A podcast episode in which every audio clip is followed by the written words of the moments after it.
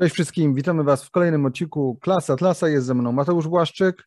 Hej, cześć wszystkim, witajcie. A ja nazywam się Ziemowit Gowin i kontynuujemy rozważania epistemologiczne z perspektywy filozofii obiektywizmu. W poprzednich odcinkach przedstawialiśmy proces tworzenia pojęć, e, czym są pojęcia, jak się je tworzy, że jest potrzeba wyodrębniania jednostek, że mamy odróżnienie, mamy integrację, mamy wspólny pojęciowy mianownik, i ostatecznie e, skończyliśmy na definicjach, czym są, czym są definicje e, i też jak się je tworzy, jak się je zmienia i tak dalej. Dzisiaj porozmawiamy o sporze o uniwersalia z perspektywy obiektywistycznej. To jest bardzo ważny spór, bo on właśnie dotyka natury pojęć, natury już jako takiej, czyli czym ostatecznie są te pojęcia, mm, czym są te uniwersalia, tak, bo wiele osób, właśnie wielu filozofów postuluje to, że istnieją takie byty osobne jak e, uniwersalia, e, są różne koncepcje na ten temat. Temat uniwersaliów no jest właśnie ważny dlatego, że dotyczy natury pojęć. Natury pojęć, tego skąd my je bierzemy, co ma ogromne, ogromne implikacje, jeżeli chodzi o naszą kulturę, o naszą, o naszą cywilizację. W ogóle cały ten temat pojęć jest właśnie dlatego e, istotny, e, że właściwie podstawy epistemologii mają wpływ w ogóle na całą kulturę, na to, jak patrzymy na świat, na jego funkcjonowanie, na relacje człowieka do e, świata. Jeszcze zanim Mateuszowi oddam głos, to powiem, że bardzo często spór o uniwersalia jest sporem metafizycznym. To znaczy bardzo duży nacisk się kładzie na, na te kwestie metafizyczne, czy istnieją uniwersalia, czy nie istnieją.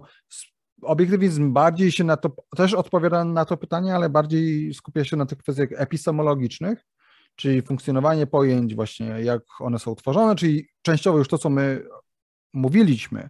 I część oczywiście z, z, tego z opisu, jak obiektywizm patrzy się na pojęcia, można, mogliście już byli wywnioskować częściowo przynajmniej z tego, co już powiedzieliśmy o y, pojęciach.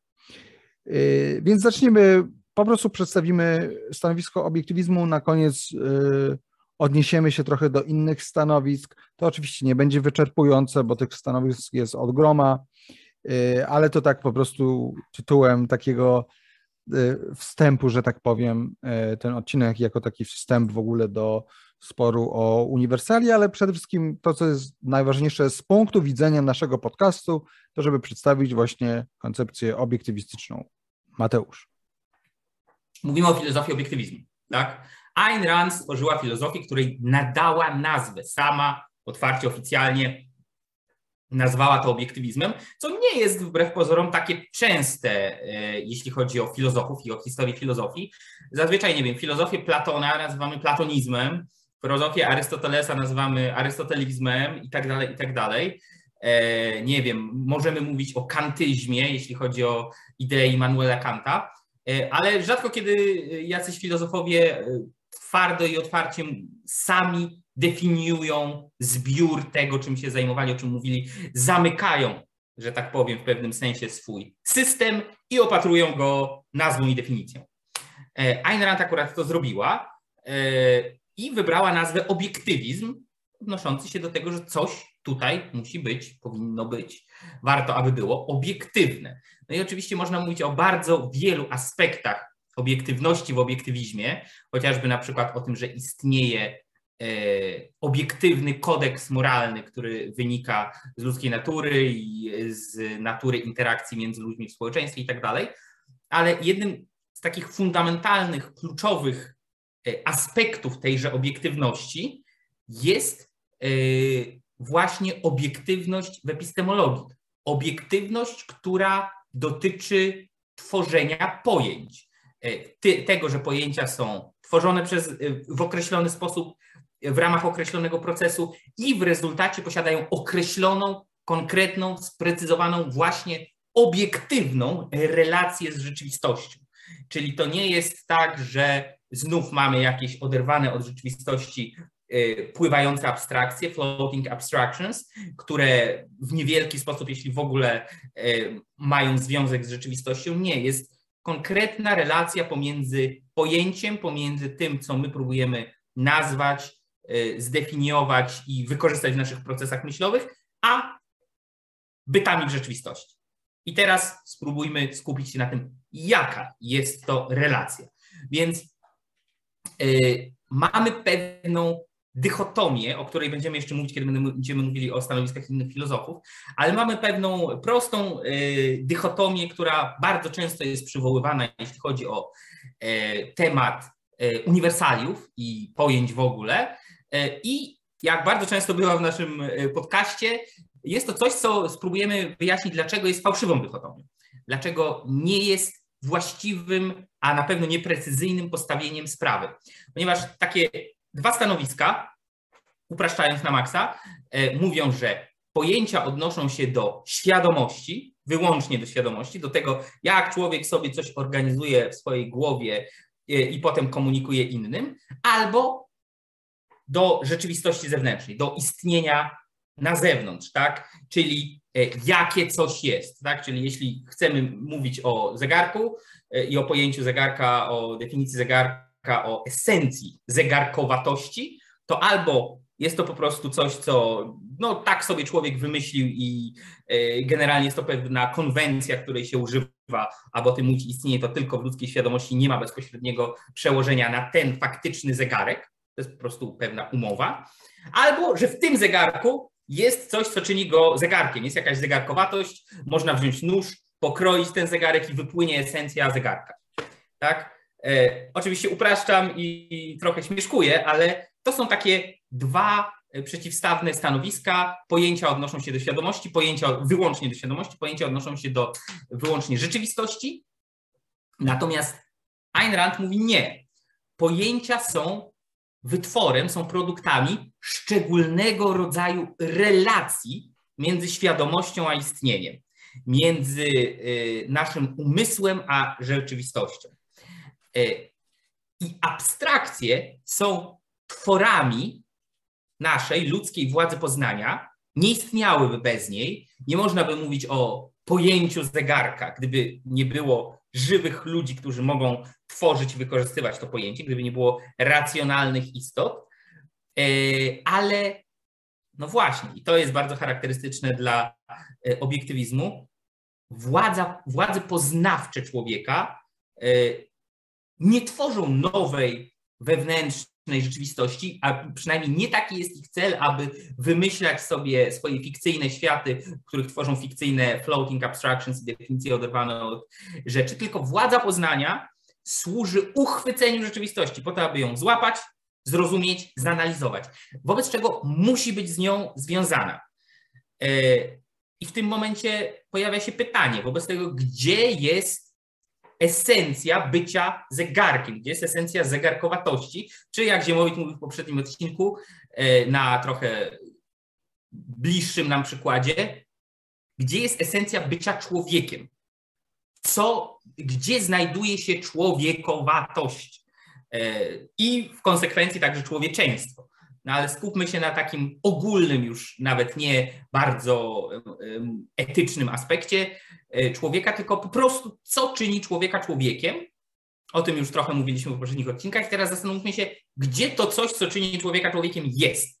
Czy to jest w świecie, czyli mówiąc krótko, bierzemy tych ludzi, kroimy ich na kawałki, patrzymy, wypływa esencja człowiekowatości. Bierzemy krzesło, kroimy na kawałki albo zestawiamy z innymi krzesłami, ściskamy mocno, bijemy, wypływa esencja krzesłowatości i tak dalej, i tak dalej, i tak dalej, e, aż do bardzo abstrakcyjnych przykładów. I to jest yy, jeden element tej fałszywej dychotomii, czyli pojęcia odnoszą się wyłącznie do rzeczywistości, do istnienia, yy, a nasz umysł po prostu je przyjmuje, bo takie są nie ma tu żadnej funkcji, e, a żadnego aktywnego procesu. Albo druga strona, pojęcia odnoszą się wyłącznie do świadomości, czyli e, cecha bycia człowiekiem, cecha człowiekowatości jest w oku obserwatora, tak? In the eye of, the beholder. E, jest po prostu czymś, co człowiek, człowiek, kiedy patrzy na drugiego człowieka, sobie zakłada ponieważ jest to pewną wygodną konwencją, kiedy myśli i mówi e, o sobie i o innych ludziach. Tak? I Ayn Rand mówi tutaj nie. E, gdzie jest cecha człowieka, gdzie jest cecha człowiekowatości, czy jakikolwiek inny ogólnik, jakikolwiek, jakikolwiek inny powszechnik, Ayn Rand odpowiada ani po prostu w świecie, w rzeczywistości, ani w oku obserwatora i po prostu w naszej świadomości, tylko ta człowiekowatość, inne ogólniki to fakty o świecie, to pewne konkrety, tylko że konkrety zredukowane do jednostek pojęciowych, do tychże units, o których już mówiliśmy, nie przez nasze oko, to nie jest coś, co my po prostu odbieramy e, jako pasywni odbiorcy, tylko przez umysł, e, przez pojęciowy umysł stworzenia, jakim jest człowiek. E, to może się wydawać jeszcze nie do końca jasne, dlatego przejdziemy zaraz, wejdziemy w to głębiej i spróbujemy wyjaśnić, jaki wobec tego jest status tych esencji, tej człowiekowatości, zegarkowatości, czegokolwiek innego, gdzie one istnieją rzeczywiście, jeśli istnieją, i jak to się ma do takich powszechnych, e, czy to stricte filozoficznych, czy kulturowych przekonań e, dotyczących e, uniwersaliów, nawet wśród ludzi, którzy w życiu nie słyszeli na uszy słowa uniwersalia. Więc tak. jaki jest status esencji, gdzie one istnieją? Ziemowit. Tak, a, aczkolwiek ja bym ci powiedział, że to, co już powiedziałeś, wyjaśnia moim zdaniem bardzo dużo. Zwłaszcza jak myślimy o pojęciach w kontekście tego, jak Rand rozumie obiektywność. Czyli, że obiektywność to jest tak, jak, to jest tak, jak mamy wartości. Wartości są obiektywne w tym sensie, że są to pewne rzeczy, które my wybieramy ze względu na określoną metodę, więc jest jakaś relacja między nami i jakaś metoda, za pomocą których, którą, której, za pomocą której my dochodzimy do tych bytów i tego, że chcemy je zdobyć, utrzymać, tak? Taka jest definicja e, wartości. I te wartości też oczywiście są w świecie, w tym sensie, że, że są to pewne przedmioty lub procesy, tak? Jakieś stany rzeczy, na których nam e, zależy. Podobnie jest właśnie z pojęciami, tak? tak Gdzie... E, myśmy to chyba podsumowywali w odcinku, w tej serii o wartościach, że e, wartości, a w tym momencie także i pojęcia i w ogóle cała masa innych rzeczy są jednocześnie obiektywne i kontekstowe. Tak. I to nie jest kontekstowość i obiektywność, to nie są e, dwa, e, dwa skrajne punkty na jakimś spektrum odległe od siebie, tylko to jest coś, co wzajemnie się wspiera i umacnia, natomiast jest odróżnione od subiektywności, czyli po prostu działania zgodnie E, z własnym e, widzimisię, niezależnie od e, poznania, rozpoznania i uchwycenia faktów rzeczywistości, albo od rzeczy samych w sobie, jakiejś tej intrinsic values, intrinsic concepts, które zgodnie z którą to tezą w samych rzeczach już miałaby być wartość, czy w tym wypadku, jak mówimy o pojęciach, w samych rzeczach miałaby leżeć już ich esencja, niezależnie od obserwatora, niezależnie od oceniającego, niezależnie od y, podmiotu myślącego. Więc no to są dwa, które odrzucamy, natomiast obiektywność i kontekstowość wspiera się nawzajem. Tak, no więc, więc, więc właśnie tak jak już y, to Mateusz wyjaśniał, y, jest ta relacja między umysłem a rzeczywistością. I to, co jest pomiędzy, to jest właśnie ten cały proces tworzenia pojęć, który wyjaśnialiśmy, który jest właśnie obiektywny, tak? Ta obiektywność głównie, tak jak już mówiliśmy, odnosi się do pewnej określonej metody. No dobra, ale to teraz w takim razie wróćmy do e, tego pytania, Mateusz, które zadałeś, czyli no, jaki jest status esencji, gdzie one istnieją. Więc przede wszystkim, zgodnie z obiektywizmem, to nie jest tak, że esencje to jest coś, co jest ustalane przez naturę niezależnie od człowieka. Innymi słowy, to nie jest tak, że one są poza, niezależnie od tego, czy istnieje człowiek, czy nie. E, I tutaj jest przede wszystkim mocna teza w obiektywizmie, że esencje, czy esencjalny to termin epistemologiczny, nie metafizyczny. Innymi słowy, obiektywizm odrzuca istnienie esencji w sensie metafizycznym, że istnieje jakaś taka jedna wśród całego zbioru cech danego przedmiotu, jest ta jedna, która jest tą cechą esencjalną, I ona jest po prostu taką cechą i my ją, tak jak Mateusz to fajnie przedstawiłeś, tak, że, ro, że rozpruwamy tego człowieka, tam są, nie wiem, są nerki, serce, wątroba, I o, o, o, człowiekowatość. o, o, nagle, o, to, to jest właśnie człowiekowatość. Tak? Obiektywizm odrzuca istnienie esencji w sensie metafizycznym, uważa, że istnieją esencje w sensie epistemologicznym. I w tym kontekście esencjalny to jest przymiotnik, który odnosi się do y, cech, które posiadają określoną funkcję właśnie w relacji do tego, jak my tworzymy pojęcia, w relacji do naszej konceptu, konceptualizacji. No i tą funkcją jest to, co już tłumaczyliśmy właśnie w poprzednich odcinkach, czyli e, odróżnianie i e, kondensowanie różnych danych i, i cechy, które mają tę funkcję właśnie w jednym kognitywnym kontekście, nie, nie muszą jej mieć w innym. To znaczy, że esencjalna cecha może się zmienić bo może się okazać, że ona nie jest już esencjalna. Tak jak w, po, w poprzednim odcinku z definicjami, ja podawałem przykład, e, podawałem przykład tego, że dziecko sobie definiuje człowieka jako e, istotę, która jako coś, co chodzi, czy porusza się i wydaje dźwięki. Tak?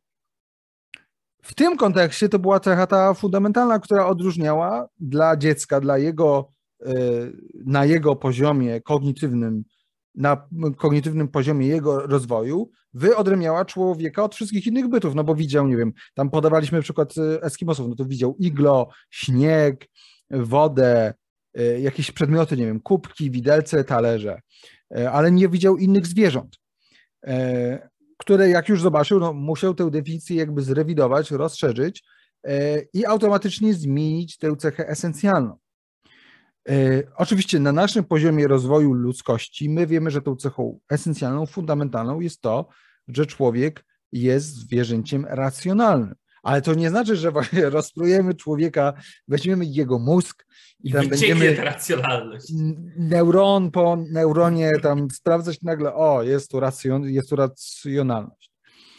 Więc jeszcze raz, dla obiektywizmu esencje nie są metafizyczne, są epistemologiczne są epistemologiczne. Mogę, mogę dodać jeszcze jeden y, przykład a propos tego, co powiedziałeś, Oczywiście. że esencje się zmieniają, bo pomyślałem też o kontekstowości. Nie, weźmy jakąkolwiek książkę. Y, o, mam tu książkę przez jakiegoś y, byłego jezuity napisaną, ale, ale podoba mi się tytuł Heroiczne życie. Nie czytałem jakby co. Ale mamy książkę, tak? To jest konkretny byt w rzeczywistości. I teraz, kiedy chcemy zdefiniować ją jako książkę, w odróżnieniu od nie książek, no to najpierw znajdujemy ten rodzaj, genus innych rzeczy, które byłyby w tym, tym wielkim, szerokim rodzaju. Potem patrzymy, co odróżnia tak, czyli na przykład, nie wiem, co odróżnia książkę od zwoju papirusu, tak, jeśli nam chodzi o e, przynajmniej o formę. Od, od zwoju papirusu, co odróżnia książkę od ulotki, co odróżnia książkę od gazety i tak dalej. Możemy całą masę rzeczy powiedzieć. E, ale możemy na to spojrzeć inaczej. Co odróżnia książkę od filmu? Co odróżnia książkę od piosenki?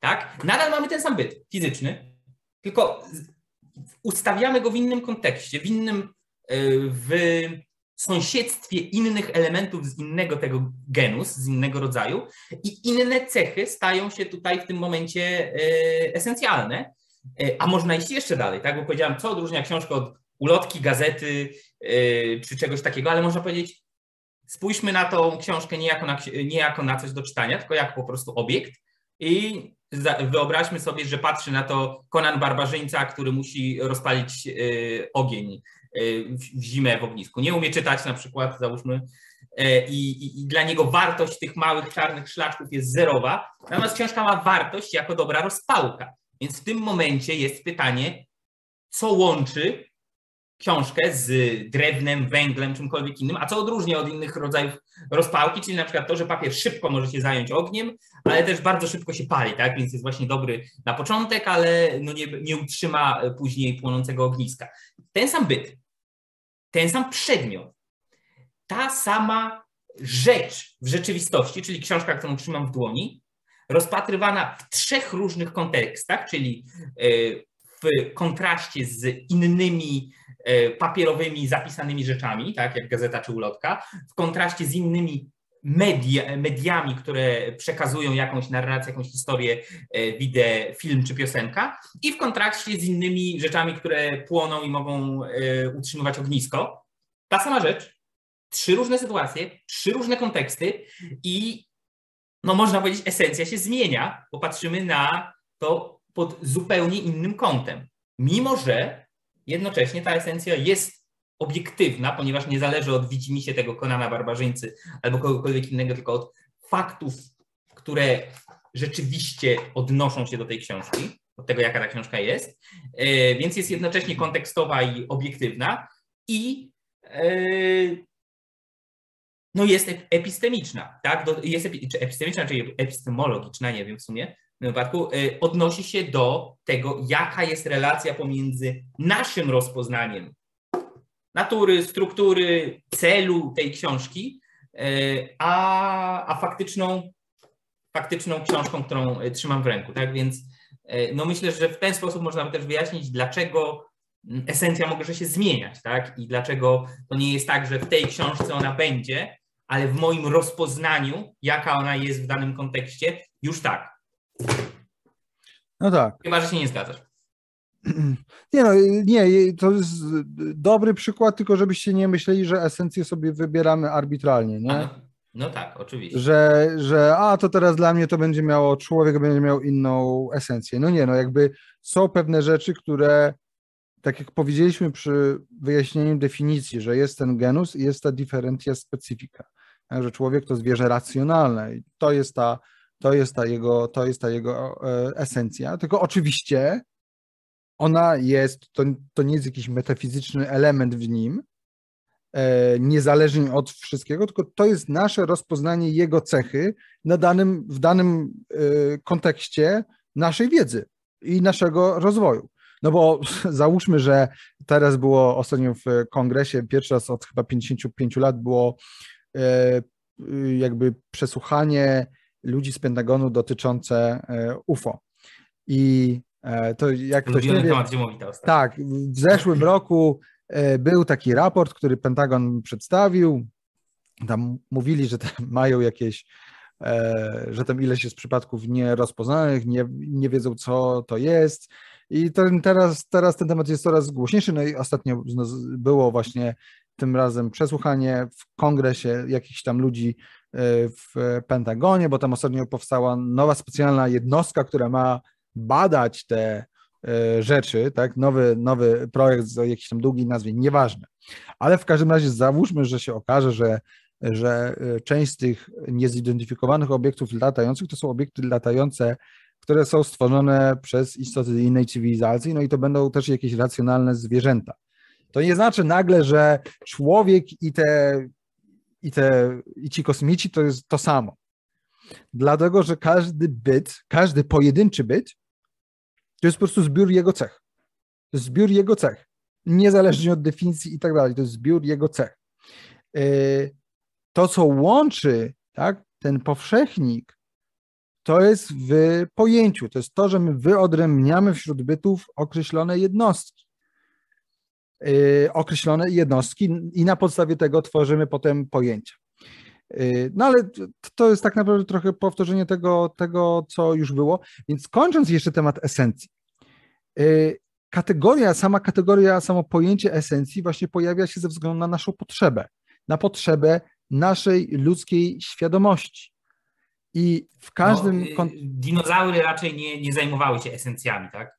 Nie. I w każdym kontekście naszej wiedzy ten przymiotnik esencjalny musi odzwierciedlać E, stan tejże, tejże wiedzy.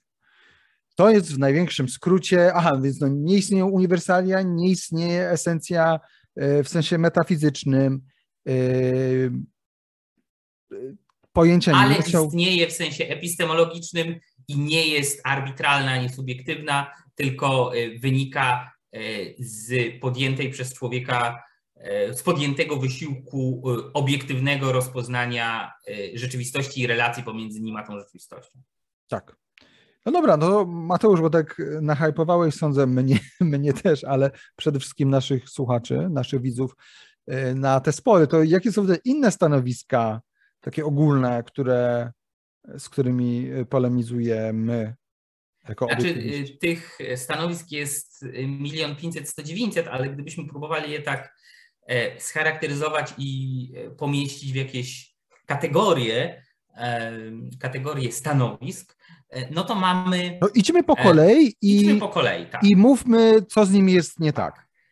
Mamy stanowisko, które odwrotnie od tego, o czym my mówiliśmy, twierdzi, że esencje i uniwersalia istnieją twardo i obiektywnie w metafizycznej rzeczywistości, niezależnie i pierwotnie względem e, ludzkiego umysłu, ludzkiego poznania, ludzkich potrzeb. E, jest to tak zwany twardy czy mocny e, realizm pojęciowy i jednym z takich najbardziej klasycznych, charakterystycznych i być może pierwszych przedstawicieli był tutaj uczeń Sokratesa Platon, więc platonizm jest tutaj jednym z tak zwanych mocnych realizmów i na czym on się zasadza. E, pojęcia, zgodnie, według Platona i zgodnie z innymi, e, z innymi podtrzymującymi to stanowisko platońskie, pojęcia odnoszą się do uniwersaliów istniejących w rzeczywistości, tyle że w innej rzeczywistości mamy idee platońskie e, i możemy je poznawać nie poprzez e, zmysły, nie poprzez e, budowanie wiedzy pojęciowej na z cegiełek, z cegiełek wiedzy zmysłowej, z cegiełek postrzeżeń, które jesteśmy w stanie zanalizować dzięki naszemu umysłowi, tylko poznajemy je poprzez coś w rodzaju przypomnienia, anamnezy albo jakiś rodzaj oświecenia, e, coś, co wykracza, w każdym razie poznajemy te pojęcia poprzez coś, co wykracza, transcenduje poza naszą marną, niską, przyziemną ludzką naturę e, i jest nam e, dane i zapewnione niezależnie od naszych zmysłów i niezależnie od naszych postrzeżeń.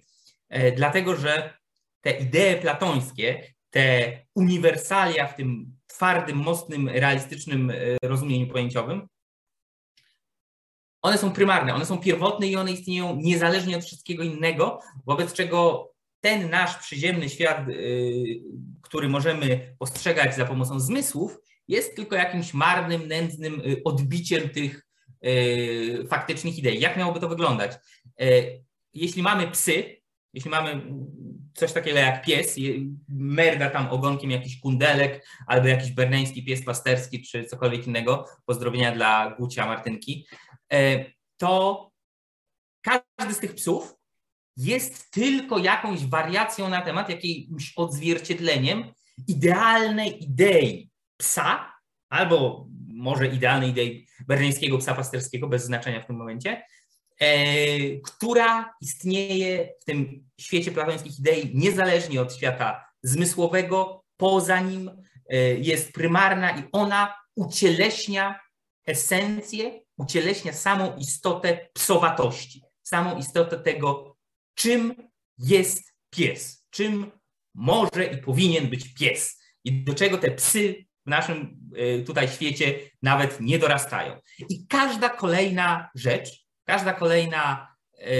idea w takim platońskim ujęciu działa w ten sposób, więc to dotyczy nie tylko idealnego psa, idealnego kota, idealnego człowieka, e, czyli tej, tej, tego uniwersalia, które, istnieje w platońskim niebie platońskich idei, ale to dotyczy sprawiedliwości, to dotyczy odwagi. To dotyczy każdego pojęcia mniej lub bardziej konkretnego albo abstrakcyjnego, które tutaj my mamy tylko jako, tak jak powiedziałem, niedoskonałą wariację na temat ideału, który znajduje się jedynie w platońskim niebie, czy wśród platońskich idei, e, a tam one istnieją same dla siebie, niezależnie od wszystkiego.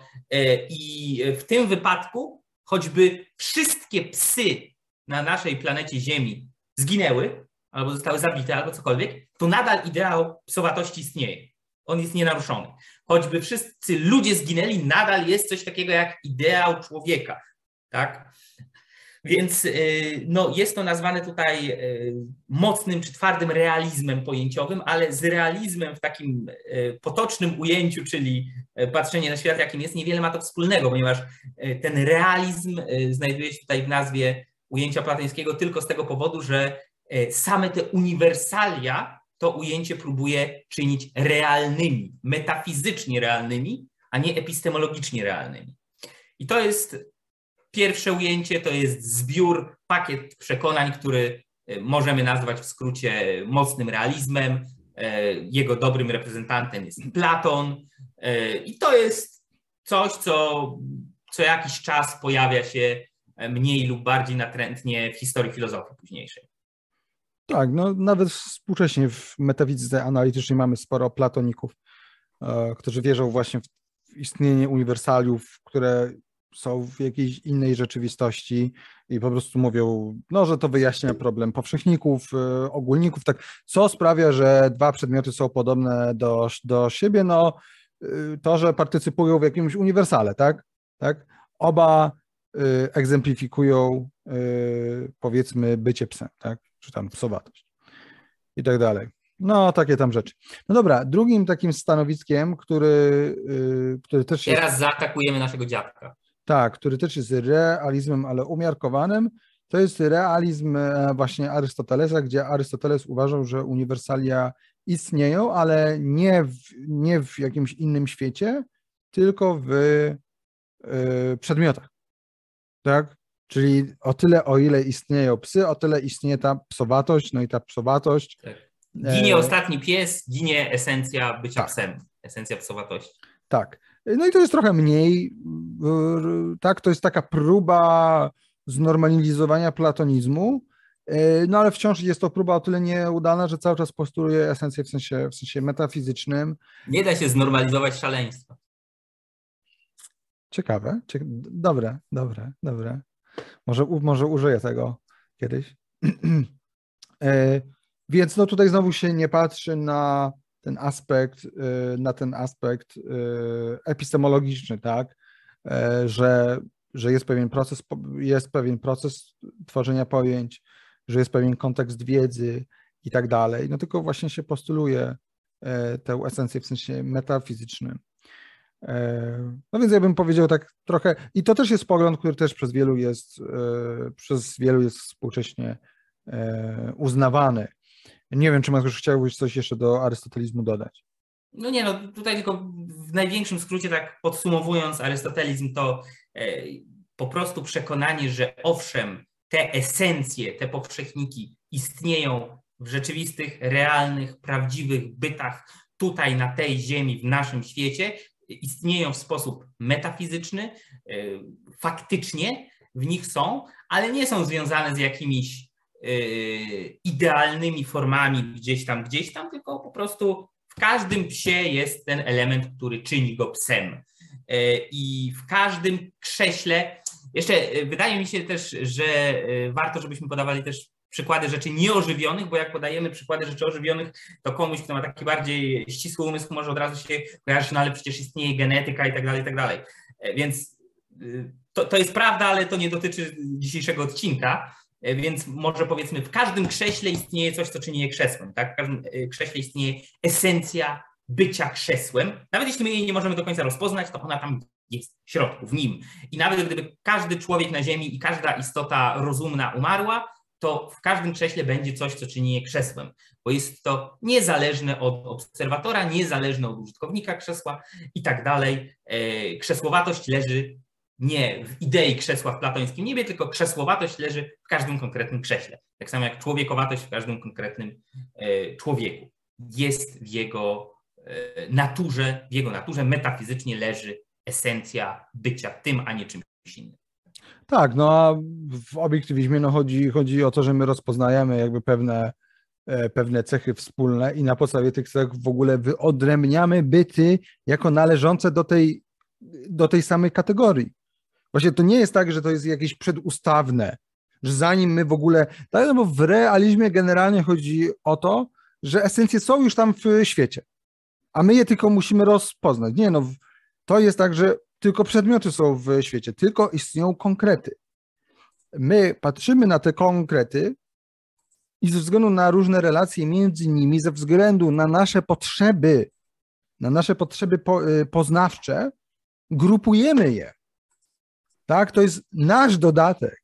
Dlatego esencja tak. wychodzi od człowieka na A podstawie rzeczywistości. Wynika nie z tego, że to leży już w przedmiocie, tylko że my to grupujemy ze względu na faktyczne, rzeczywiste cechy, atrybuty tych przedmiotów, a nie ze względu na nasze widzimisię, konwencje, czy albo tak było wygodniej. Tak? I za pomocą określonej metody. I za pomocą określonej metody. Tak. No więc teraz Ziemowit, może ty powiedz o trzecim stanowisku, które e, popraw mnie, jeśli się mylę, ale przypuszczam, że wśród dzisiejszych intelektualistów, a może i wśród wszystkich filozofów jest chyba najpowszechniejsze i które tak naprawdę, no ja bym nazwał, e, przynajmniej tak z punktu widzenia laika i amatora, jako e, trochę wywieszenie białej flagi epistemologicznej, jakby no, ta, ta, takie poddanie się, no okej, okay, jakby who cares, to tak. jest tak, to chodzi o nominalizm. No, nominalizm ma bardzo wiele postaci, bardzo wiele i e, być może, być może istnieją takie, o których nie wiemy, które jakkolwiek są zbliżone do obiektywizmu. Szczerze mówiąc, trudno mi stwierdzić. Na pewno nie z tych, które ja znam, ale w dużym skrócie nominalizm polega na tym, że przede wszystkim odrzuca istnienie uniwersalów. Tak? Odrzuca istnienie czegoś takiego jak esencja. Więc tutaj z obiektywizmem się y, zgadza. E, natomiast y, jedyne, co robi, to to, I że... na tym się kończą cechy wspólne.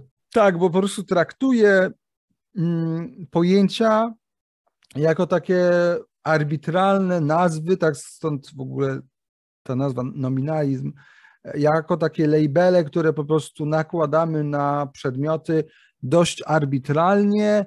Czasami, czy zazwyczaj nominaliści jakoś odnoszą się tam do podobieństwa, za pomocą, tak, no, że coś tam przy, przypomina coś. Często nominaliści właśnie tłumaczą, że to podobieństwo jest już dalej nieredukowane, nie to jest taki po prostu suchy fakt w rzeczywistości, że jakieś tam przedmioty są do siebie podobne i my na tej podstawie tak mówimy, że ok, to i to jest czerwone, no więc mamy przedmioty czerwone i tak dalej. E, natomiast tak naprawdę dla nominalistów nie istnieje jakiś y, właściwy lub niewłaściwy sposób tworzenia pojęć. Tak nie ma tego całego procesu tworzenia pojęć, który w obiektywizmie jest, który my wyjaśnialiśmy w poprzednich odcinkach. W tym sensie nominalizm to jest swego rodzaju taki subiektywizm. Tak? On prowadzi do takiego pojęciowego subiektywizmu. To nie jest tak, że oni zupełnie się nie patrzą na rzeczywistość, ale w dużej mierze jest to po prostu arbitralne. Tak? Tworzenie pojęć jest arbitralne. No to jest oczywiste, że jakoś tam do rzeczywistości będą się odnosić, tak? E, no, że czemu traktujemy te dwa przedmioty jako psy, no bo są tam do siebie podobne. E, ale sam proces tworzenia pojęć, e, pojęciowy wspólny mianownik, integracja, abstrahowanie i tak dalej, no tego w nominalizmie nie ma. Oni, zdeklarowany nominalista kilka ostatnich odcinków klasy Atlasa by po prostu z ziewnięciem przeskoczył. No być może, tak. Yy, więc tak jak, powie, tak jak powiedziałem, no przede wszystkim to, co odróżnia nominalizm od obiektywizmu jest to, że dla nominalistów nie istnieją obiektywne, obiektywnie właściwie, wła, nie istnieje obiektywnie właściwy lub niewłaściwy proces tworzenia pojęć, tak. E, no i więc tak jak realizmy różnego rodzaju prowadzą do tego, co na polskiej jest trudno przetłumaczyć, czyli intrinsycyzm, tak? Że istnieją te, nie wiem, Rzeczy same w sobie. Rzeczy same w sobie, ale w tym kontekście tak tu chodziło o esencję, tak, czy o te y, uniwersalia. Y, I to prowadzi właśnie do tego, że okej, okay, jest, jesteśmy my, są kotki, piecki, y, krzesła i tak dalej, i oprócz tego są esencje, tak, a my je mamy po prostu odkryć jakimś cudem. Nie wiem, nie wiem szczerze jakim, bo zwróćcie uwagę, że gdyby tak na poważnie przyjąć to, y, postulat y, istnienia esencji, to wiedza byłaby niemożliwa, jakby wiedza, co jest tą esencją, byłaby niemożliwa. No bo wskażcie, wskażcie taką cechę. Już pomijając tak, plan... Takie zgaduj zgadula trochę. to, to jest zupełny zgaduj z gadula, no bo nie możesz powiedzieć, że to jest ta e, cecha, tak? No nie jest, to tak naprawdę to jest nie tylko intrinsycyzm, ale to prowadzi do swego rodzaju no, mistycyzmu, tak? Um, Okej, okay, a z kolei nominalizm e, w różnych jego formach prowadzi do swego rodzaju subiektywizmu, tak? No, że tak, jakoś tam sobie ustalimy, nie? E, jakie są te pojęcia. No więc tak to mniej więcej wygląda. To jest dużym skrócie są rodzaje realizmów, są różne nominalizmy, są też inne stanowiska, takie jak konceptualizm i cała masa innych. To było w dużym skrócie. Mateusz, czy chciałbyś jeszcze coś na koniec dodać? Wydaje mi się, że akurat chyba dosyć, mm, dosyć mocno tutaj streściliśmy e, i powiedzieliśmy, jaka jest, jaka jest esencja dzisiejszego odcinka mm, i o co tutaj nam chodziło, więc to, co warto, e, abyś, abyś słuchaczu, słuchaczko wyniósł z dzisiejszego odcinka, to to, że spór o uniwersalia był i w pewnym sensie jest czymś ważnym, co przeplatało się przez e, całą historię filozofii, e, że e, obiektywizm, tutaj najbardziej taka istotna teza obiektywizmu, jeśli chodzi o spór uniwersalia, jest taka, że szukanie esencji i tego, co Rand nazwała pojęciowym wspólnym mianownikiem i tym differentia i genus, E, trzeba przerzucić z dziedziny metafizyki i e, rzeczywistości jako takiej e, do dziedziny epistemologii i relacji pomiędzy ludzkim poznaniem a odkrywaniem elementów rzeczywistości, ich cech i atrybutów. Więc tutaj obiektywność w obiektywizmie, jeśli chodzi o proces tworzenia pojęć, jeśli chodzi o uniwersalia, dotyczy relacji ludzkiej świadomości, ludzkich władz poznawczych oraz E, bytów, przedmiotów, e, jednostek w znaczeniu units e, w świecie rzeczywistym wraz z ich konkretnymi cechami i atrybutami, które nasze władze poznawcze mogą odkryć, zrozumieć i zinterpretować, wobec czego esencja, taka jak krzesłowatość, człowiekowatość, psowatość, piłkowatość, cokolwiek innego, nie istnieje ani metafizycznie w, w, świecie rzeczywistym lub w jakimś świecie e, platońskich abstrakcji, ani jedynie e, w naszym subiektywnym odczuciu wokół obserwatora i w tym, że zrobimy sobie taką konwencjonalną umowę, a te rzeczy będziemy nazywać pies, a te rzeczy będziemy nazywać piłka. E, tylko są to pewne ogólniki, które są faktami o świecie, które my redukujemy i grupujemy dzięki naszym władzom poznawczym, abstrahując te istotne czynniki, które sprawiają, że są do siebie podobne w ramach jednej grupy i odróżniają się od y, innych rzeczy z danego rodzaju. E, no i cztery, trzy czy cztery te podstawowe stanowiska, e, które ciągną się, ciągną, ciągną aż do Platona przez historię filozofii, czyli e, twardy realizm pojęciowy, czyli platonizm, umiarkowany realizm pojęciowy, arystotelizm, nominalizm. E, no, każdy z nich ma jakąś e, skazę, każdy z nich ma jakiś błąd, e, albo fundamentalny, albo, albo wtórny, ale każdy z nich prowadzi do, mówiąc krótko, w bardzo praktycznych kategoriach, do problemów z tworzeniem i akumulowaniem wiedzy. E, a to, jak wiemy, jest procesem niezbędnym dla każdego z nas do życia i przetrwania i do odróżnienia pietruszki od cykuty. Plosy twist. Sok Sokrates myślał, że, że zjada pietruszkę. że zjada pietruszkę. Tego przedstawiali. To to mu Platon tak podpowiedział i potem dlatego cały czas tak y, pięknie pisał o Sokratesie, miał, miał wyrzuty sumienia. Słuchaj, zjedz, to jest tylko pietruszka. Zrobiłem ci napar z pietruszki. A wszyscy myśleli, że Sokrates taki, wiecie, odważny, tak. trzeba się trzymać prawa, niezależnie od tego, czy jest sprawiedliwe, czy nie. A to po tak. prostu fuck up. Bo miał błędną koncepcję pojęć. Miał błędną koncepcję pojęć, tak. Tak. No, a Platon stworzył swoją jako, jako wymówkę i usprawiedliwienie dla siebie. Tak. Zabiłem mistrza, o nie co ja zrobię.